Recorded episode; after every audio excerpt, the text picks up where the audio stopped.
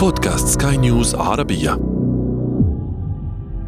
حاضنة لعدد كبير من الكائنات الحية بيئة متكاملة على أرض واحدة. نتعرف على السافانا وكيفية الحفاظ عليها من مخاطر الإنسان مع لبنى الخولي في عالمهم عالمنا. عالمنا عالمهم. عالمنا عالمهم.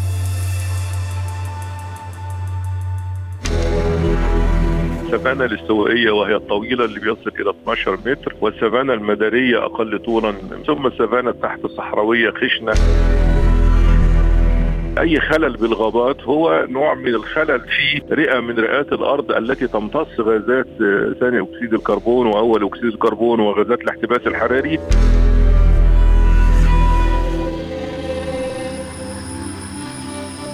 عالمهم عالمنا السافانا عندما نتحدث عنها يخطر ببالنا إفريقيا وتحديدا الشرق وفي إسبانيا أيضا وهنا نذكر أشجار الأكاسيا وسط السهول الشاسعة مفترس وفرائس نباتات وحشرات. كما هو معروف الحياة تعتمد على السلسله الغذائية. هل تسمع هذا الصوت؟ طيور وحشرات مساحة 20% من الأرض تكسوها السافانا هل تستطيع الرؤية من خلال هذه النباتات الكثيرة؟ لا ليست كثافة أشجار بل هي كثافة عشب وهذه طبيعة السافانا كيف تتعامل هذه الكائنات مع هذا العالم؟ ببساطة عالمهم عالمنا استمعوا جيداً عند منطقة قريبة من خط الاستواء حيث المناخ المداري عشب أصفر يميل للون البني أشجار وحيوانات مختلفة كبيرة وصغيرة. نجد في هذه المنطقة المنتشرة في أماكن متفرقة حول العالم الكثير من التنوع البيولوجي. هل تعلم؟ هناك خطورة تكمن في كون درجة حرارة كوكبنا ترتفع وبالتالي تؤثر على عالمنا وعلى غابات السافانا وعلى حيواناتها وطيورها وحشراتها. وبسبب زيادة تبخر الأمطار لا نجد أشجارا بكثافة. عالمنا عالمهم. عالمنا عالمهم. وفي هذه الحلقة من برنامج عالمهم عالمنا سيكون معنا الضيف الدكتور نادر نور الدين أستاذ كلية الزراعة بجامعة القاهرة. ضيفا كريما معنا في هذا البرنامج على سكاي نيوز عربية. وستكون البداية وفي هذه الحلقة الحديث عن غابات السافانا أهلا بك دكتور نادر. أهلا وسهلا بحضرتك. الحديث الآن دكتور نادر عن التكامل والتوازن البيئي في كوكب الأرض. نتحدث عن الكثير من الغابات المنتشرة حول العالم بمختلف درجات الحرارة بالإضافة أيضا إلى أنواع الحيوانات والنباتات المختلفة والحشرات والطيور أيضا داخل الغابات. ولكن الحديث الآن عن غابات السافانا تحديدا. ما هي أبرز سمات تلك الغابات؟ غابات السافانا عبارة عن نظام زراعي بيئي متكامل يتكون بشكل أساسي من الحشائش بمختلف أنواعها الحشائش الطويلة والحشائش القصيرة ويتواجد معها شجيرات أي أشجار قصيرة ويتواجد معها أشجار يافعة أيضا وكأنه نظام بيئي متكامل. الأشجار العالية كبيرة للظل والراحة للبيئة البرية والشجيرات الصغيرة لإطعام بعض الحيوانات ثم الحشائش بمختلف أطوالها ومختلف درجات الرطوبة الطرية واللينة والجافة لإطعام المكترات من أكلات الحشائش. يمكن حشائش السافانا بتنقسم إلى نوعين أساسيين الحشائش الطويلة ودي غالبا يصل اطوالها إلى نحو 12 متر من 6 متر إلى 12 متر ودي مخصصة خصيصا للحيوانات المفترسة وأكلات اللحوم وأكلات الجيفة مثل الأسود والنمور والضباع. لا تختبئ فيها حتى تستطيع أن تنقض على فرائسها. الحشائش اللي أقل من 6 متر عادة بتكون للمكترات وأكلات الحشائش وأكلات الخضروات والأشجار والشجيرات برضو مخصصة بيئيا لبعض الحيوانات ذات الرقابة الطويلة التي لا تستطيع الوصول إلى سطح الأرض والأكل من الحشائش فبيكون غذائها أوراق الأشجار مثل الزراف على سبيل المثال وبعض أنواع الجاموس البري أو ما نطلق عليه الجاموس الوحشي وغيرها أيضا. آه، من الأيائل. وإذا هو نظام بيئي متكامل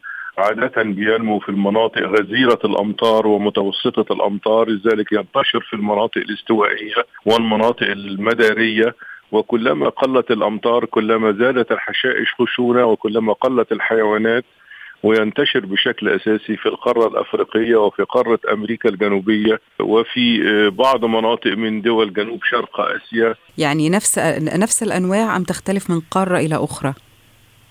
نعم ولكن يطلق عليها اسم القارة فهناك مثلا الفيل الأفريقي وهناك الفيل الأسيوي الهندي آه، وهناك آه، الأسد الأفريقي وهناك الأسد الخاص بأمريكا الجنوبية يعني الكثير من الأشخاص يعني نخصص في هذا البرنامج الحديث بالتفصيل عن كوكب الأرض والبيئة المحيطة به والحيوانات والطيور وكل هذه الكائنات الحية. ما لا يعرفه الناس عن غابات السافانا يعني نعرف شكل الغابات والحشائش المتواجدة بها وأيضا بعض الحيوانات ولكن ما لا يعرفه ال ال الناس العاديين عن حقيقة غابات السافانا في تحقيق التوازن البيئي على كوكب الأرض إنها من أكثر المناطق اللي بتحتوي على توازن بيئي في العالم بعد غابات الأمازون في آه، البرازيل.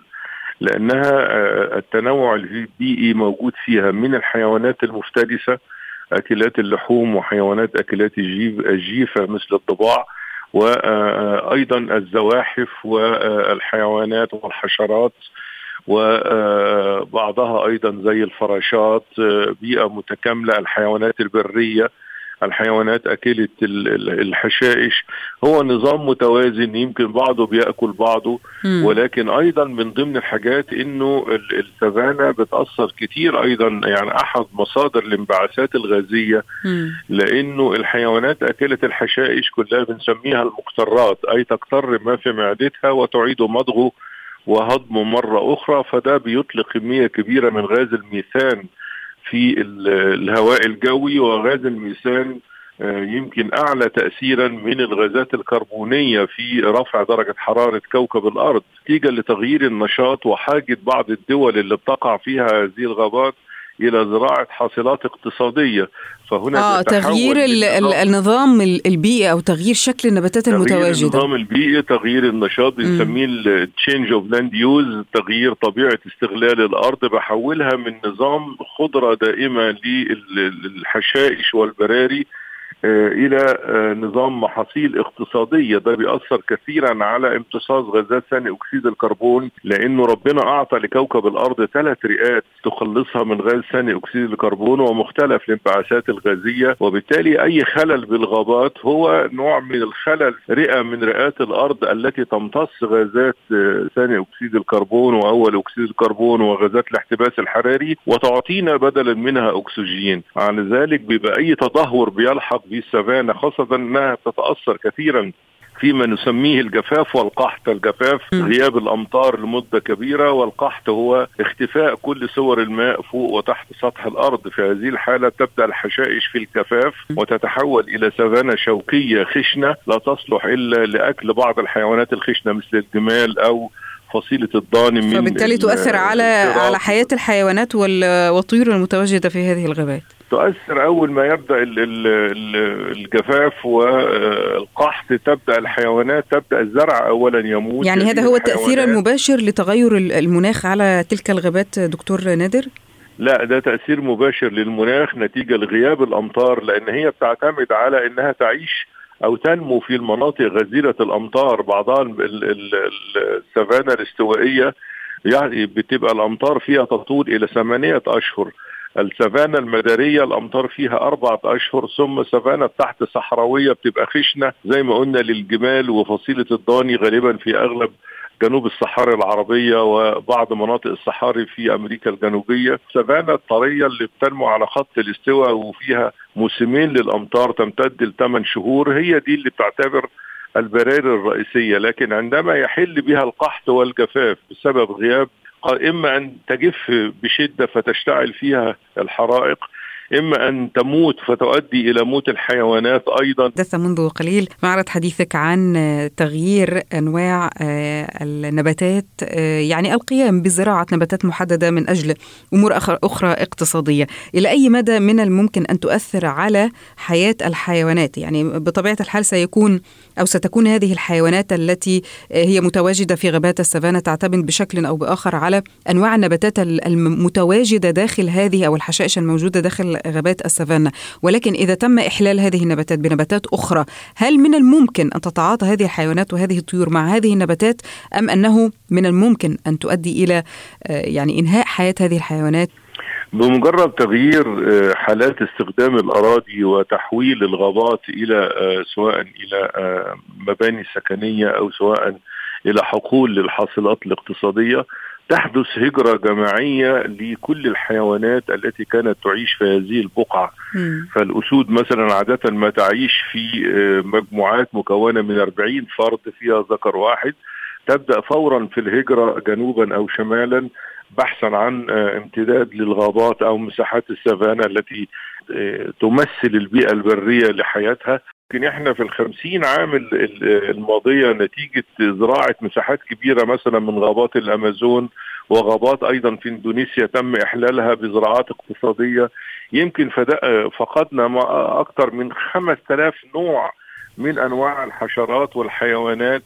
المفيدة للبيئة. ده مفيدة جدا للبيئة. عملية توازن بيئي بتؤدي التوازن البيئي إن مفيش أنواع تتغول وتكبر وتمثل خطورة ولا أنواع تختفي وتضمحل.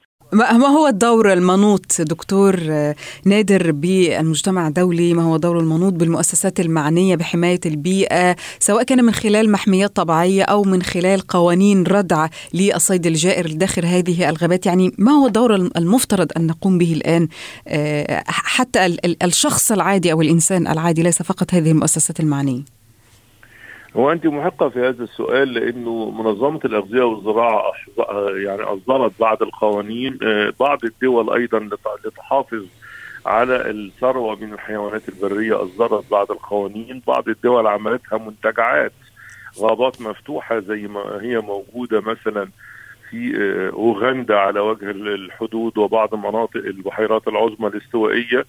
إنما مثلا تم تجريم صيد الفيلة والمتاجره في انيابها أو الأبانوس آه، لأن دي برضو من المواد دي تم تجريم سواء المتاجرة بالأفيال أو قتلها أو المتاجرة في الأبانوس. في على مستوى الأمم المتحدة آه، أصرت على الحفاظ على التوازن البيئي وأن كل دولة حتى لو لديها مستنقعات حتى لو لديها مساحات كبيرة من الأراضي الغادقة المغطاة بالمياه أو أراضي الاستبس أو أراضي الغابات.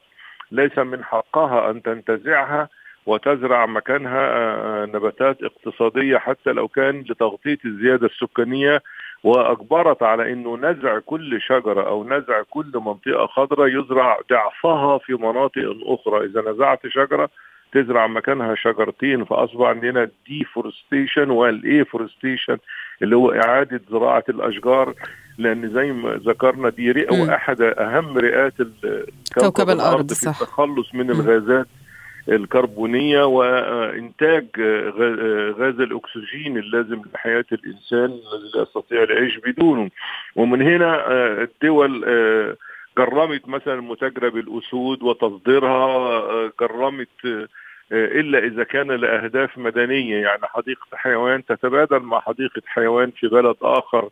بعض العجز هنا وبعض الوفرة هناك يتبادلوا. إنما الصيد القنص القتل المتاجرة بالأفيال المتاجرة بالأسود كل دي جرمتها الدول بعد أن أوصت بذلك منظمة الأغذية والزراعة ومنظمات الحفاظ على البيئة ومنظمات الحفاظ على التنوع البيئي وتنمية حتى أراضي المستنقعات اللي غالبا بيعيش فيها كمية كبيرة. يعني في مستنقع اسمه مستنقع السد في جنوب السودان مثلا يعطي أكثر من خمسين ألف طن من الأسماك كل عام. وهذا ما لا يعرفه الكثير من الناس. يعني دائما ما نعم، تكون مستنقع كأنه شيء غير مرغوب فيه ولكن هو بيئة كاملة متكاملة تحافظ على كوكب الأرض بشكل أو بآخر بكل الكائنات التي تعيش صحيح بها. وبالذات على التنوع البيئي والثبات البيئي صحيح دكتور. نعم. شكرا جزيل الشكر لك دكتور نادر نور الدين أستاذ كلية الزراعة جامعة القاهرة. عالمنا عالمهم. عالمنا عالمهم.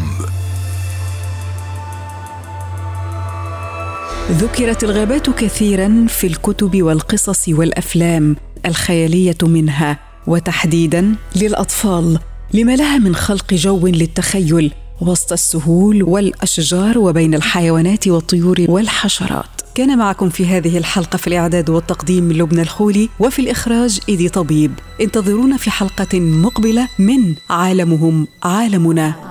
عالمنا عالمهم. عالمنا عالمهم.